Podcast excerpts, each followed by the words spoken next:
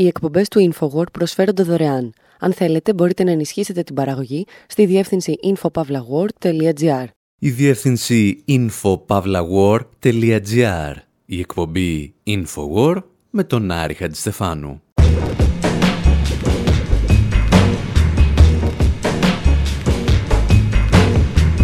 όπου σήμερα αναρωτιόμαστε πώς είναι να ψηφίζεις κάποιον για πρόεδρο και να στον σκοτώνουν λίγο πριν εκλεγεί.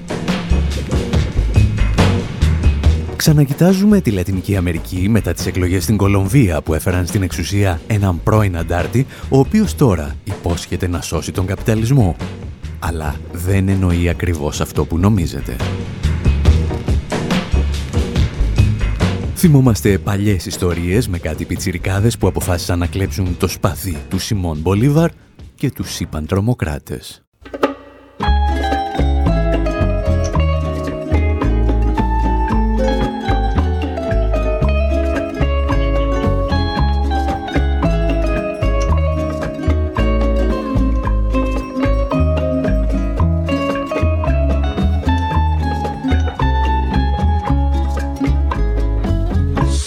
el fuego que arde tu piel.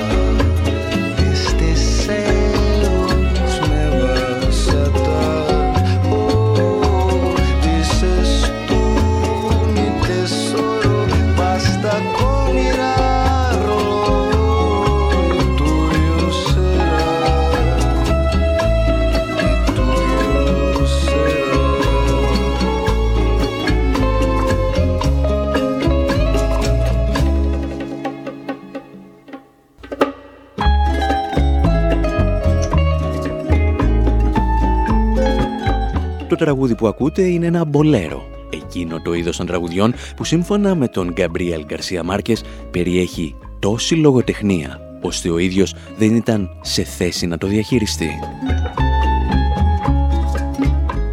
Και ενώ τα μπολέρο γεννιούνται στην Κούβα στα τέλη του 18ου αιώνα, το κομμάτι που ακούτε γράφτηκε το 2015 από τον Ροντρίγκε Σαμαράντε για να αποτελέσει το soundtrack της εξαιρετικής τηλεσυράς Νάρκος. Imagine you were born in a poor family, in a poor country, and by the time you were 28 years old, you have so much money you can't even count it. Señores, yo soy Pablo Emilio Escobar Gaviria.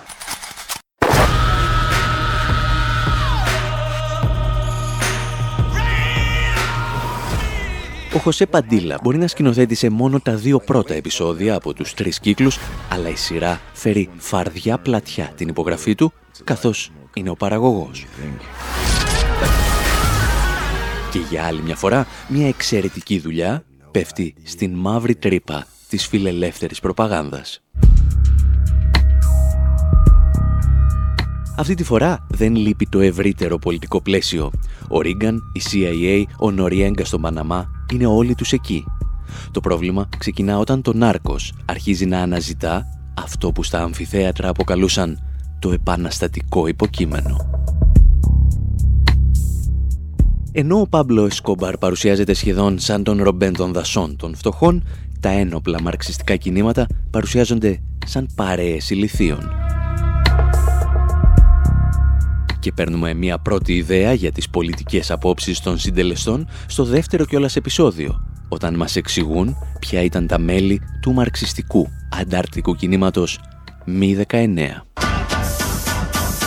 M19 was a communist guerrilla group made up of college students and intellectuals who read too much Karl Marx for their own good. Το Μη 19 ήταν μια κομμουνιστική ομάδα ανταρτών αποτελούμενη από φοιτητές και διανοούμενους που διάβασαν πάρα πολύ Καρλ Μάρξ για το καλό τους.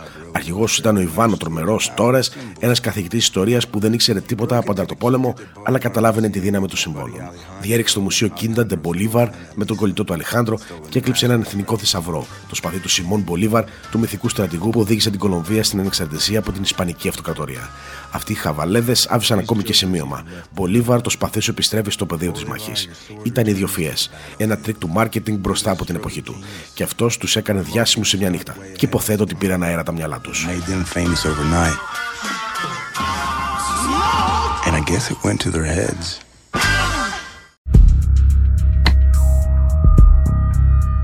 Η ιστορία είναι σχεδόν αληθινή και σε μία από τις σκηνές της σειράς με τους ισχυρότερους συμβολισμούς, τα μέλη του Μ-19 παραδίδουν το σπαθί του Μπολίβαρ στον Πάμπλο Εσκομπάρ.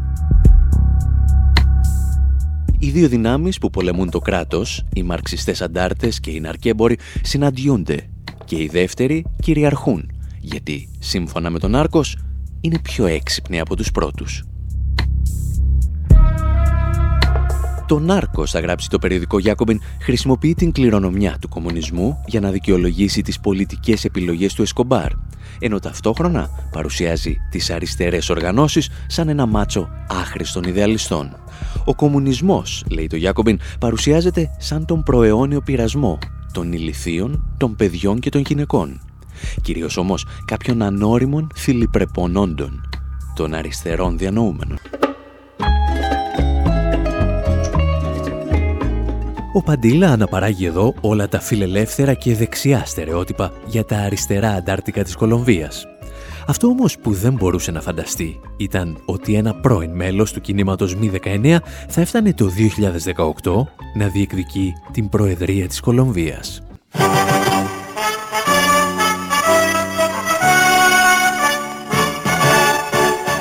Για την ιστορία, το Μη 19 γεννήθηκε ως αντίδραση στις εκλογές νοθείας που πραγματοποιήθηκαν στην Κολομβία το 1970. Και αυτή η ιστορία παίζει περίεργα παιχνίδια στους πρωταγωνιστές της. Τώρα που οι αντάρτες άφησαν τα όπλα και διεκδικούν την εξουσία με την ψήφο, ο Πέτρο άρχισε να καταγγέλει νοθεία πριν ακόμη από τον πρώτο γύρο.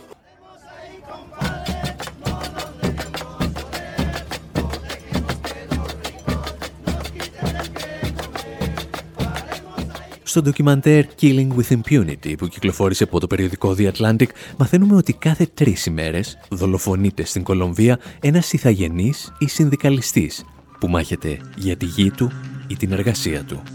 Και αν προσθέσει κανείς και τους δεκάδες ή εκατοντάδες δημοσιογράφους που σκοτώθηκαν τα τελευταία χρόνια, καταλαβαίνει ότι η Κολομβία είναι μία από τις χειρότερες περιοχές του πλανήτη αν τυχαίνει να διαφωνείς με τα αφεντικά σου, με την κυβέρνηση ή με τους ναρκοβαρώνους.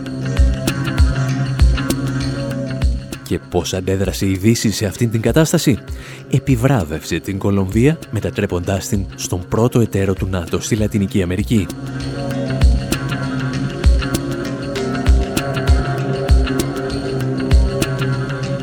Λίγες ώρες μετά την ανακοίνωση ότι η Κολομβία εντάσσεται έστω και από το παράθυρο στη Βορειοατλαντική Συμμαχία, ο πρώην Υπουργός Εξωτερικών του Ισημερινού, Γκίγιομ Λούγκ, εξηγούσε τι σημαίνει αυτό για ολόκληρη τη Λατινική Αμερική. I think it's uh, very sad news. Um, I remember expressing uh, my discomfort with the fact at the time when I was foreign minister uh, to my colleague Maria. Πρόκειται για μια πολύ δυσάρεστη είδηση. Θυμάμαι είχα εκφράσει την ησυχία μου στον κολοβιανό ομολογό μου όταν η χώρα του απέκτησε καθεστώς παρατηρητή στο ΝΑΤΟ.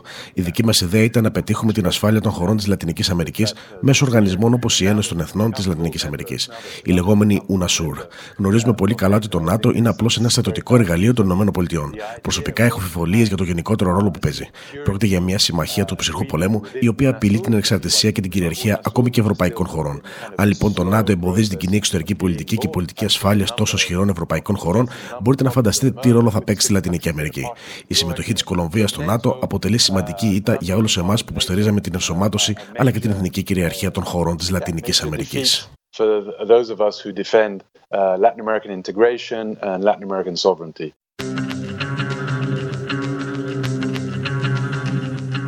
Για να ανακεφαλαιώσουμε, η Κολομβία ελεγχόταν από το στρατό και παραστρατιωτικούς, κάτι ναρκοβαρώνους και προσφάτως μπήκε στο παιχνίδι και το ΝΑΤΟ που μπορεί να αποσταθεροποιήσει ολόκληρη την περιοχή. Οι εκλογές χαρακτηρίζονταν από νοθεία και πάρα πολύ βία, με καθημερινές δολοφονίες πολιτικών, συνδικαλιστών και δημοσιογράφων. Για όλους αυτούς τους λόγους, η Κολομβία ήταν ο βασικός σύμμαχος των Ηνωμένων Πολιτειών απέναντι σε χώρες όπως η Βενεζουέλα.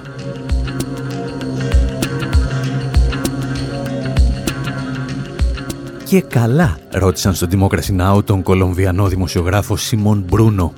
Πώς μπορεί υπό αυτές τις συνθήκες να εκλεγεί ένας αριστερός πρόεδρος στην Κολομβία; «Α», απάντησε ο Μπρούνο, «δεν είναι τίποτα. Αρκεί να μην στον σκοτώσει η δεξιά». It is not the first time that a leftist would have win, uh, would have won the election in Colombia. Uh, everything is Δεν είναι η πρώτη φορά που ένας αριστερός κερδίζει τις εκλογές στην Κολομβία. Όλα ξεκίνησαν το 1948 όταν δολοφονήθηκε ο λαϊκιστής υποψήφιος Γκαϊτάν. Λέγοντας βέβαια λαϊκισμό, αναφερόμαστε στο ιστορικό λαϊκισμό, δηλαδή λαϊκισμό τύπου Περών. Η βία που ζούμε ακόμα και σήμερα στην Κολομβία ξεκίνησε εκείνη την ημέρα της δολοφονίας του Γκαϊτάν το 1948. Αν πάμε πίσω στη δεκαετία του 90, είχαμε τρεις αριστερούς υποψήφιους για την Προεδρία. Όλοι δολοφονήθηκαν. Ο Γκαλάν, ο Χαραμίγιο και ο Πιζάρο. Άρα η σημασία της εκλογής του Πέτρο δεν είναι πω για πρώτη φορά κερδίζει τι εκλογέ αριστερά στην Κολομβία. Απλώς για πρώτη φορά δεν δολοφόνησαν τον αριστερό υποψήφιο, οπότε αυτός κέρδισε τις εκλογές.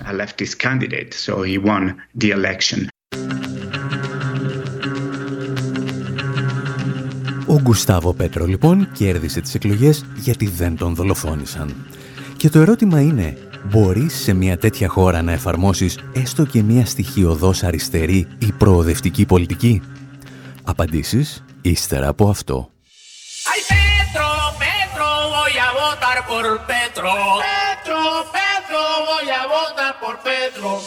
Petro, Petro, voy a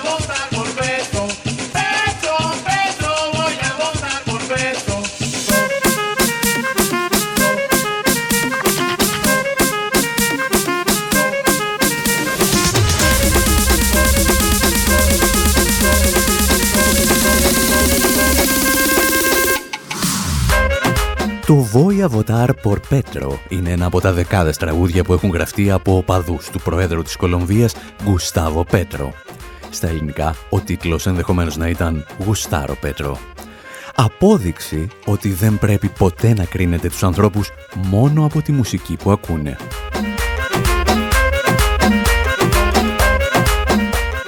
Επίσης, δεν πρέπει να κρίνετε τους ανθρώπους από την εξωτερική τους εμφάνιση ή από την εμφάνιση που θέλουν να αποκτήσουν.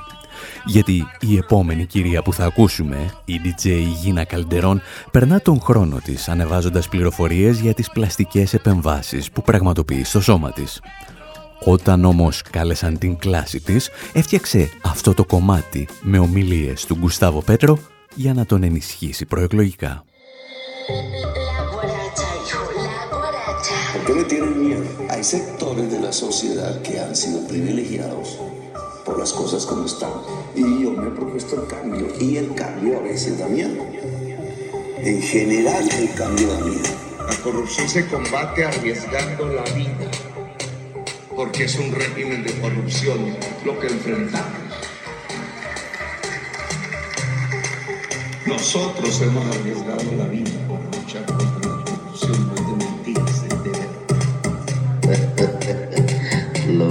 Los noto asustados.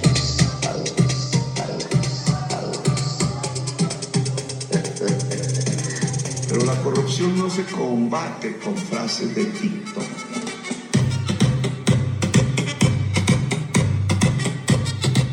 Για να μην σας τα πολυλογούμε, η εκλογή του Πέτρο σηματοδοτεί μια κολοσσία αλλαγή στο πολιτικό σκηνικό της Κολομβίας και οι οπαδοί του πανηγυρίζουν ξέφρενα ακόμη και σήμερα. Και η αλήθεια είναι ότι αυτούς τους οπαδούς ο Πέτρο θα τους χρειαστεί άμεσα. Γιατί όπως μας θύμιζε και η Amy Goodman στο Democracy Now, έχει θέσει πολύ ψηλά τον πύχη. Gustavo Petro is a former M19 guerrilla, a former senator and the former mayor of Bogota. Ο Γκουστάβο Πέτρο είναι ένας πρώην αντάρτης του M19, πρώην γερουσιαστής και πρώην δήμαρχος της Μποκοτά. Έχει δεσμευτεί να καταπολεμήσει την αυξανόμενη φτώχεια και ανισότητα στην Κολομβία, φορολογώντας τους πλούσιους να επεκτείνει τα κοινωνικά προγράμματα όπως και την εκπαίδευση και την περίθαλψη. Έχει καλέσει για τον τερματισμό κάθε νέας εξόριξης πετρελαίου και την απομάκρυνση από μια οικονομία που για καιρό βασίζεται στα ορυκτά καύσιμα. Ο Πέτρο έχει επίσης πει πως η κυβέρνησή του σχεδιάζει να αποκαταστήσει τις σχέσεις με τη Βενεζουέλα και να επαναδιαπραγματευτεί μια εμπορική συμφωνία με τις ΗΠΑ που θα ωφελεί περισσότερο τους Κολομβιανούς.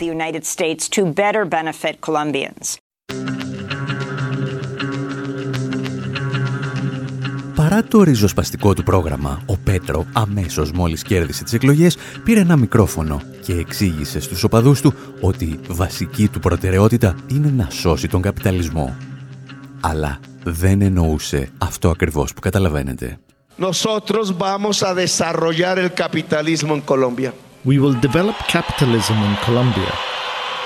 No porque lo adoremos. Θα αναπτύξουμε τον καπιταλισμό στην Κολομβία, όχι γιατί το λατρεύουμε, αλλά διότι πρώτα πρέπει να κατανικήσουμε την προνεωτερικότητα στην Κολομβία, τη φεδοαρχία και τη νέα σκλαβιά. Πρέπει να υπερισχύσουμε των νοοτροπιών και των συμπεριφορών του παρελθόντος που συνδέονται με τον κόσμο της σκλαβιάς.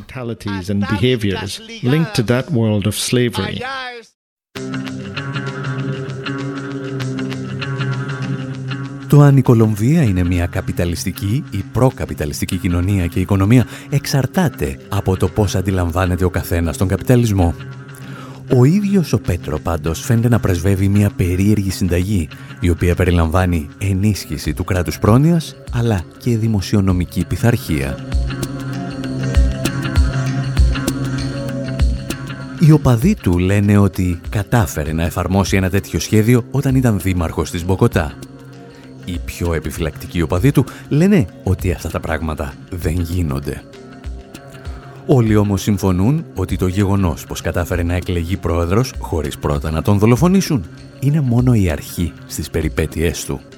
Γιατί απέναντί του έχει σύσσωμο το πολιτικό και οικονομικό κατεστημένο έτοιμο να τον κατασπαράξει. Τα εξηγούσε ο ακτιβιστής Μανουέλ Ροζεντάλ μιλώντας και αυτός στο Democracy Now! He has 20 uh, members of Senate on his side. He needs 54 to pass any initiative. Έχει 20 μέλη της γερουσίας στο πλευρό του. Χρειάζεται όμως 54 για να περάσει οποιαδήποτε πρωτοβουλία. Μπορεί να επιτύχει 40 με 44 συμμαχίες, οπότε θα πρέπει να συμμαχίσει με την ακροδεξιά για να καταφέρει οτιδήποτε. Προσθέστε σε αυτό όλους τους συλλεκτικούς θεσμούς, τον Γενικό Εισαγγελέα, όλο αυτό το μαφιόζικο σύστημα που είναι υπό τον έλεγχο πρώην Προέδρων όπως ο Ρίμπε και ο Ντούκε. Και ύστερα προσθέστε και τους ναρκέμπορους, τους δολοφόνους του στρατού και των πολυεθνικών. Όλα αυτά παραμένουν στις θέσεις τους για τα επόμενα χρόνια. Είναι εχθροί της κυβέρνησης και του Κολομβιανού λαού. Οπότε αυτή ακριβώς είναι ανησυχία. Ο Πέτρο, όπως και η αντιπρόεδρος, υποσχέθηκαν αυτά που θέλουμε, αλλά είναι αδύνατο να τα πετύχουν. Αυτή η κυβέρνηση δεν μπορεί να αλλάξει το βασικό εμπόδιο, δηλαδή το κατεστημένο. Πρέπει να το αλλάξει ο λαός για το λαό.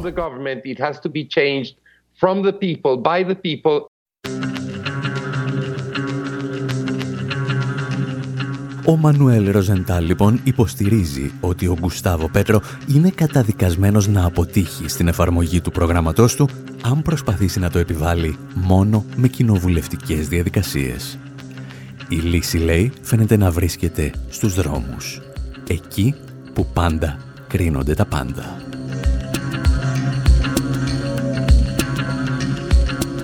Εμείς πάλι σας αφήνουμε για λίγο με το επίσημο τραγούδι της προεκλογικής εκστρατείας του Γκουστάβο Πέτρο και επιστρέφουμε εντός ολίγου με άλλα θέματα και άλλες ιδέες.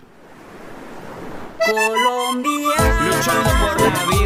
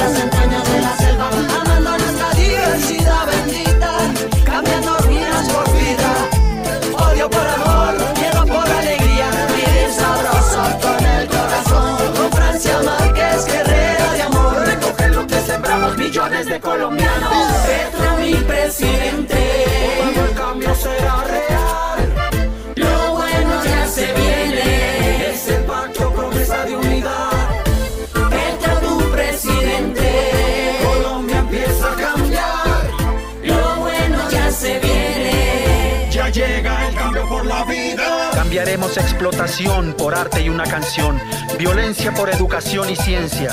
Con el conocimiento y el saber podremos retomar el pensar, andar bonito, porque somos libres de escoger nuestro destino. Esta vez ganaremos en las urnas con millones de compatriotas y sentaremos las bases de la transición hacia una Colombia humana, potencia de la vida y de la paz. Petro mi presidente.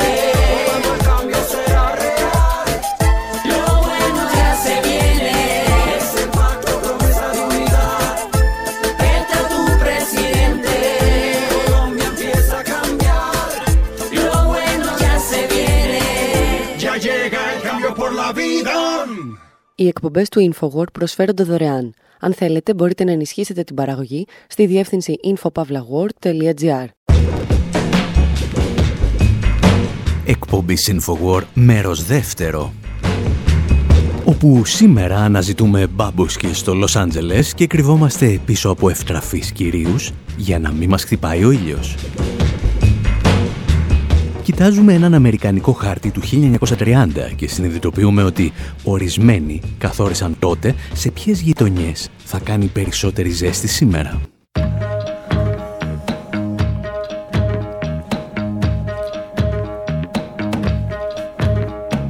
Parle-moi de son ancien temps, celui qui fait ce que t'es maintenant. Raconte-moi, je veux tout savoir, connaître tes balles de samedi soir. T'es d'une famille de six enfants, en plus t'as joué le rôle de la maman. Quand tu rentrais, c'était la foire. Pourtant, on n'était pas samedi soir. Ce soir, ma poupée russe, ce refrain est pour toi. Dans ton histoire, il y a des plus, pas que des moins babouchka. Edith a trouvé son Marcel et jamais elle ne le lâchera. Un mythe, Edith, qu'est-ce qu'elle est belle. Ja, lubię ciebie. Ja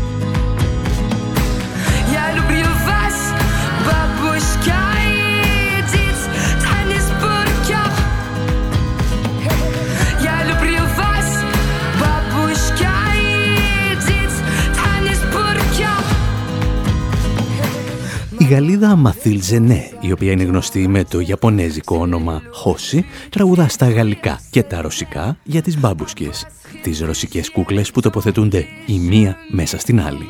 Το ίδιο το τραγούδι θα μπορούσε να θεωρηθεί μια μπάμπουσκα, αφού πίσω από το ιαπωνικό όνομα συναντάς γαλλικούς στίχους που εμπεριέχουν ρωσικές λέξεις. Οι κούκλες μπάμπουσκα ή ματριόσκα κατασκευάστηκαν στη Ρωσία το 1890 από έναν ξυλουργό, το μικρό όνομα του οποίου ήταν Βασίλη και το επίθετό του ίσως και να προφέρεται Σβίος Ντότσκιν. Και όπως ξέρετε, αν τις βάλεις στη σειρά, ξεκινάς συνήθως με μια ευτραφή κυρία και τα κουκλάκια δίπλα της μικραίνουν μέχρι να φτάσουν σε ένα μωρό. Πριν από ένα χρόνο όμως, ένας Αμερικανός δημοσιογράφος, ο Sam Block, είδε μερικούς επιβάτες σε μια στάση λεωφορείου του Λος Άντζελες να αναπαριστούν τις μπάμπουσκες. As the sun rises in Los Angeles, a handful of passengers wait for a downtown bus in front of Tony's barber shop on an exposed stretch of Καθώς ο ήλιος ανατέλει στο Λος Άντζελες, μια χούφτα επιβάτες περιμένουν το λεωφορείο για το κέντρο της πόλης μπροστά στο κουρίο του Τόνι, κοντά στον αυτοκινητόδρομο της Πασαντίνα. Στέκονται ο ένας πίσω από τον άλλο σαν κούκλες μπαμπούσκα, ακίνητοι και ήσυχοι, στη σκιά που ρίχνει το άτομο στην κορυφή της σειράς. Θα είναι άλλη μια ζεστή μέρα και οι επιβάτες σε όλη την πόλη κρύβονται πίσω από ταμπέλες και τηλεφωνικούς στήλους.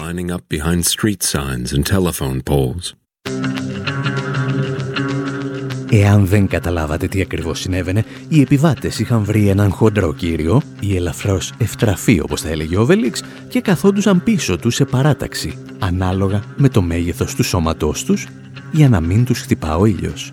Και αν πιστεύετε ότι αυτή η παρατήρηση δεν έχει θέση σε μια εκπομπή που αναζητά πάντα τις πολιτικές και ταξικές προεκτάσεις των γεγονότων, κάνετε λάθος.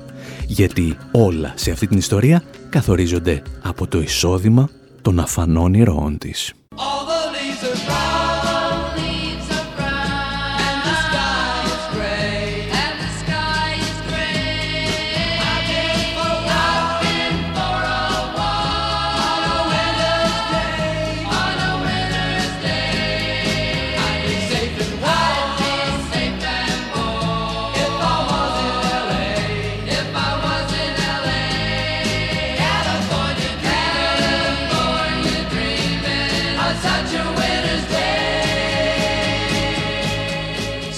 Καταρχήν και μόνο το γεγονός ότι κάποιος περιμένει το λεωφορείο στο Λος Άντζελες σημαίνει ότι έχει χάσει προπολού το δικαίωμα να ονειρεύεται στην Καλιφόρνια. Δικαίωμα για το οποίο τραγουδούσαν εδώ οι Mamas and the Papas.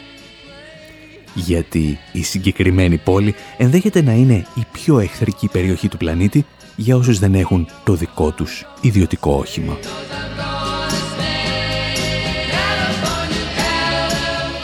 Η σκηνή που περιγράφουμε όμως έχει και ένα δεύτερο ταξικό χαρακτηριστικό που μας καλεί να το ερευνήσουμε. Το γεγονός ότι η στάση στην οποία περίμεναν οι άνθρωποι μπάμπουσκες δεν έχει σκίαστρο. Αυτό σημαίνει ότι βρισκόμαστε σε κάποια φτωχή γειτονιά του Λος Άντζελες. Και για αυτή την έλλειψη ευθύνεται ο νεοφιλελευθερισμός του Ρόναλντ Ρίγκαν. Τα εξηγούσε και πάλι ο δημοσιογράφος Σαν Μπλοκ, γέννημα θρέμα Λος-Αντζελιώτης. There are nearly 1,900 official bus shelters in Los Angeles city limits. Who decides where the shade goes? Υπάρχουν σχεδόν 1.900 σκεπασμένες στάσεις λεωφορείων εντός των ορίων της πόλης του Λος Άντζελες. Ποιος αποφασίζει όμως που πάει σκιά, μπορεί να φανταζόσασταν ότι οι συγκοινωνιολόγοι κάνουν κουμάντο τοποθετώντας στρατηγικά στάσεις έξω από παντοπολία και ατρία σε πολυσύχνες διαδρομές. Το Λος Άντζελες όμως, όπως πολλές πόλεις, έχει αναθέσει τη δουλειά σε τρίτους. Οι πρώτες χίλιες στάσεις εγκαταστάθηκαν τη δεκαετία του 1980 από διαφημιστικές εταιρείες με αντάλλαγμα το δικαίωμα να πορούν διαφημιστικό χώρο. Συνήθως τοποθετούνταν σε πλούσιες περιοχές όπου τα έσοδα από τις διαφημίσεις ξεπερνούσαν τα κόστη συντήρησης.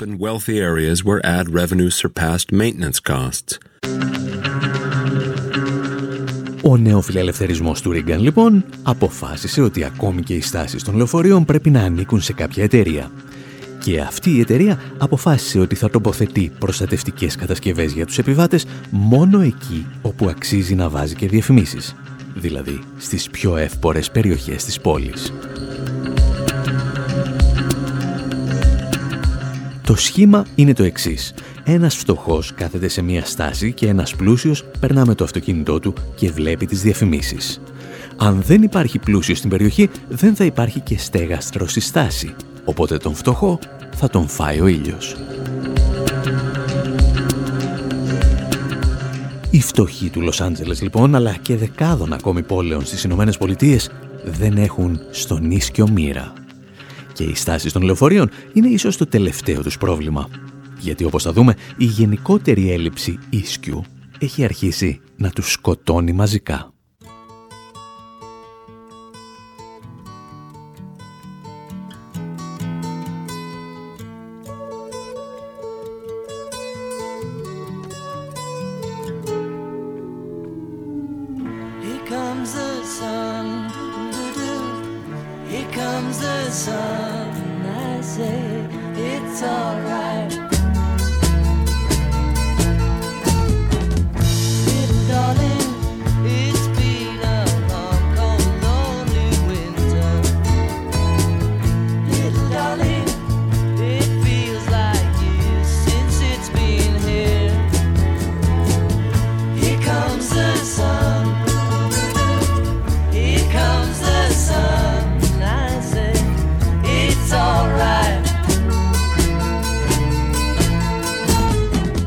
Beatles υποστηρίζουν ότι έρχεται ο ήλιος και είναι ωραία.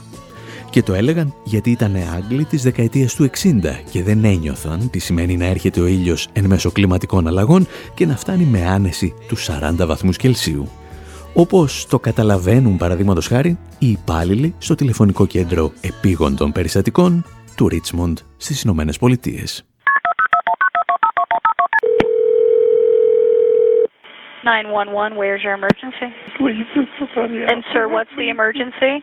Κάθε καλοκαίρι όταν σήκωναν το ακουστικό στα επίγοντα και έθεταν την τυπική ερώτηση «Πού βρίσκεστε αυτή τη στιγμή» λάμβαναν όλο και συχνότερα μια συγκεκριμένη απάντηση. Στη συνοικία του Γκίλπιν. Όπως εξηγούσαν πρόσφατα οι New York Times, το Gilpin είναι η περιοχή του Richmond που σημειώνει τις υψηλότερες θερμοκρασίες κάθε καλοκαίρι. Είναι επίσης μία από τις φτωχότερες περιοχές της πόλης, όπου τυχαίνει να κατοικούν κυρίως μαύροι. Προσπαθώντας να καταλάβει γιατί οι κάτοικοι υποβαθμισμένων περιοχών καλούν όλο και συχνότερα ασθενοφόρα όταν ανεβαίνει η θερμοκρασία, το κρατικό ραδιόφωνο των Ηνωμένων Πολιτειών, το NPR, πραγματοποίησε μια μεγάλη έρευνα και συνεργάστηκε γι' αυτό με το Πανεπιστήμιο του Μέριλαντ. Συνέλεξαν στοιχεία από κάθε γωνιά της χώρας και κατέληξαν σε ένα πολύ απλό, αν και φαινομενικά παράλογο συμπέρασμα. Όσο πιο φτωχή, είπαν, είναι μια γειτονιά, τόσο περισσότερη ζέστη θα κάνει. In Baltimore, the hottest neighborhoods can differ by as much as 10 degrees from the coolest, and the hottest parts of the city also have higher rates of poverty. Στη Βαλτιμόρη, οι θερμότερες γειτονιές μπορεί να διαφέρουν έως και 5 βαθμούς Κελσίου από τις πιο δροσερές. Οι πιο θερμές περιοχές τη πόλης έχουν επίσης τον υψηλότερο βαθμό φτώχειας. Θελήσαμε να δούμε αν υπάρχει ένα επαναλαμβανόμενο μοτίβο σε όλη τη χώρα. Χαρτογραφήσαμε λοιπόν 97 μεγάλες πόλεις των ΗΠΑ σύμφωνα με τη θερμότητα που απεικονίζεται σε φωτογραφίες της NASA και το εισόδημα του κατοίκων τους. Το μοτίβο έκανε την εμφάνισή του στην πλειονότητα των περιπτώσεων. Και σε τρεις από τις τέσσερις περιπτώσεις η σύνδεση μεταξύ φτώχειας και υψηλότερων θερμοκρασιών ήταν ακόμη πιο έντονη σε σχέση με τη Βαλτιμόρη. Αυτό έχει σημασία διότι η ζέστη έχει δυνητικά θανατηφόρες συνέπειες. Η ανάλυση μας λοιπόν δείχνει πως οι άνθρωποι που εκτίθενται στην υπερβολική ζέστη στα πιο θερμά σημεία των πόλεων είναι συχνά οι φτωχότεροι και πολύ συχνά διαφορετικού χρώματος. Και αυτό ενώ οι πόλεις είναι ούτως ή άλλως θερμότερες σε σχέση με την ύπεθρο γύρω από αυτές. On top of that, cities already tend to be hotter than their rural surroundings. Οι θερμικές απεικονίσεις της NASA λοιπόν και τα στοιχεία της τελευταίας απογραφής πληθυσμού δείχνουν τι συμβαίνει σήμερα.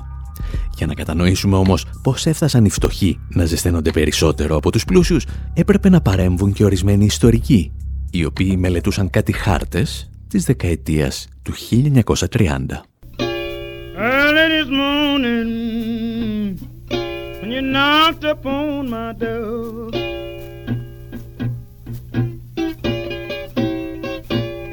this morning. Ooh, he knocked upon my door.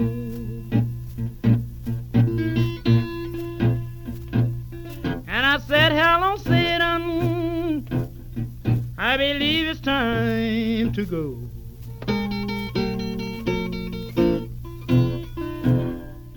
Πριν από περίπου πέντε χρόνια, πανεπιστήμια στις Ηνωμένες Πολιτείες άρχισαν να ψηφιοποιούν τους πολεοδομικούς χάρτες της δεκαετίας του 30 και έπεσαν πάνω σε ένα φαινόμενο που ονομάζεται redlining. Κάποιος κρατικός αξιωματούχος έπαιρνε ένα χάρτη και τράβαγε κόκκινες γραμμές στις περιοχές που θεωρούσε επικίνδυνες. Και η λέξη «επικίνδυνος» εκείνη την εποχή σήμαινε ένα και μόνο πράγμα. Ότι εκεί ζούσαν μαύροι και αργότερα μετανάστες.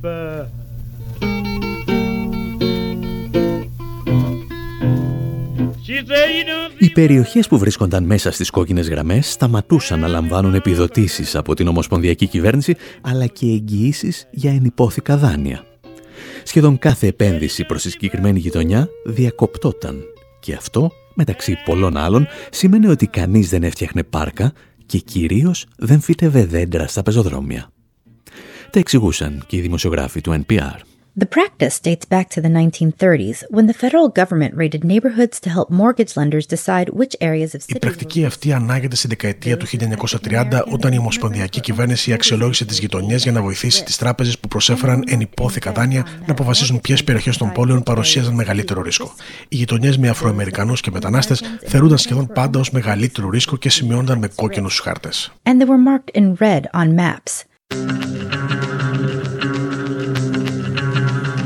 Το εντυπωσιακό συμπέρασμα αυτής της έρευνας είναι ότι αν πάρεις τους θερμικούς χάρτες της NASA, που παρουσιάζουν με κόκκινο χρώμα τις γειτονιές με τις υψηλότερες θερμοκρασίες, και τους τοποθετήσεις επάνω στους χάρτες της δεκαετίας του 30, συμπίπτουν με τις κόκκινες γραμμές που τραβούσε τότε η Ομοσπονδιακή Κυβέρνηση. Γραμμές που διαχώριζαν το λευκό από το μαύρο πληθυσμό. Ο ρατσισμός του περασμένου αιώνα δηλαδή ανεβάζει σήμερα τη θερμοκρασία στις στοχογειτονιές των Ηνωμένων Πολιτειών. All you have to do is scoot across a satellite map of the Los Angeles basin to see the tremendous shade disparity. Το μόνο που έχετε να κάνετε είναι να περιεργαστείτε ένα δορυφορικό χάρτη στο λεκανοπέδιο του Λο Άντζελε για να δείτε την τρομερή ανισότητα σκιάς. Κατά πράσινες γειτονιές είναι χωμένες στι πλαγιές φαραγγιών και χτισμένες γύρω από γήπεδα του γκολφ. Ψηλά μοντέρνα σπίτια αγκαλιάζουν τον ήλιο καθώς τρεμοπαίζει μέσα από πυκνές συστάδες ευκαλύπτου. Στη Σαντα Μόνικα που βρίσκεται στην ακτή του ωκεανού και οι 302 στάσεις λεωφορείων έχουν μεταλλικά σκίαστρα που μπλοκάρουν τον ήλιο. Την ίδια ώρα στις εργατικές περιοχές του Λο Άντζελε υπάρχουν απέραντες γκρι εκτάσεις, παιδικές χαρές, πάρκινγκ και φαρδιοί δρόμοι χωρίς σχεδόν καθόλου δέντρα. Οι επιβάτες των μέσων μαζικής μεταφοράς ψήνονται σε ακάλυπτες εκτάσεις. Οι άστιγοι βρίσκουν καταφύγιο σε τούνελ και κάτω από ανισόποδους κόμπου.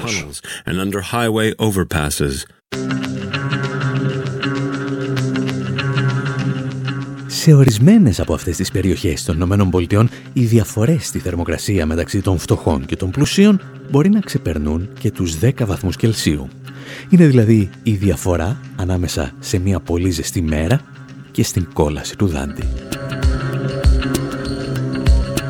Και αν νομίζετε ότι αυτά είναι απλώς στατιστικές, το NPR μας θυμίζει ότι μιλάμε για ανθρώπινες ζωές. Το καλοκαίρι του 2018 στη Βαλτιμόρη η θερμοκρασία έφτασε για πολλές ημέρες στους 40 βαθμούς Κελσίου και οι κλήσεις πρώτων βοηθειών για πιθανώς θανατηφόρα επεισόδια θερμοπληξίας αυξήθηκαν δραματικά. Μαζί όμως αυξήθηκαν και οι κλήσεις για χρόνιες παθήσεις. Συγκεκριμένα, οι κλήσεις πρώτων βοηθειών για χρόνια αποφρακτική πνευμονοπάθεια αυξήθηκαν κατά 70%. Οι κλήσεις για αναπνευστική ανεπάρκεια αυξήθηκαν κατά 20%. Οι κλήσεις για καρδιακή ανακοπή αυξήθηκαν κατά 80%, ενώ ταυτόχρονα διπλασιάστηκαν τα περιστατικά υψηλής αρτηριακής πίεσης. Και μαζί με όλα αυτά αυξήθηκαν επίσης οι ψυχιατρικές διαταραχές, η κατάχρηση ουσιών, αλλά ακόμη και οι αλλεργίες.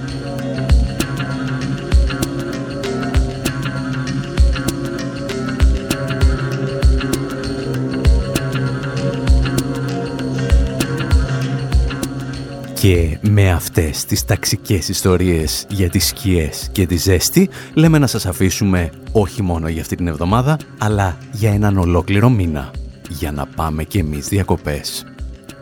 Θα παραμείνουμε όμως μαζί σας με επιλεγμένες επαναλήψεις. Μέχρι το επόμενο ραντεβού, από τον Άρη Χατζηστεφάνου στο μικρόφωνο, τον Ανδρέα Κοσιάρη στις μεταφράσεις και τον Δημήτρη Σταθόπουλο στην τεχνική επιμέλεια, γεια σας και χαρά σας.